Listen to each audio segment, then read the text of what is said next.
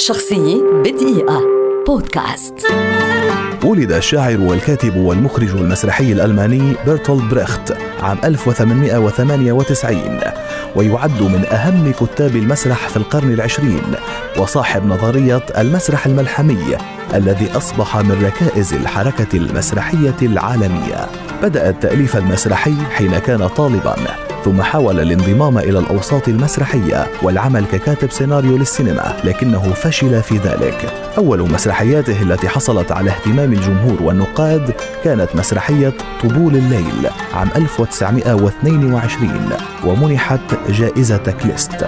تقوم نظرية بريخت على فكرة أن المشاهد هو العنصر الأهم في تكوين العمل المسرحي فمن أجله تكتب المسرحية حتى تثير لديه التأمل والتفكير في الواقع. ترجم العديد من أعماله إلى اللغة العربية مثل الاستثناء والقاعدة والأم شجاعة. أما مسرحية أوبرا القروش الثلاثة فقد تم اقتباسها في أكثر من بلد عربي.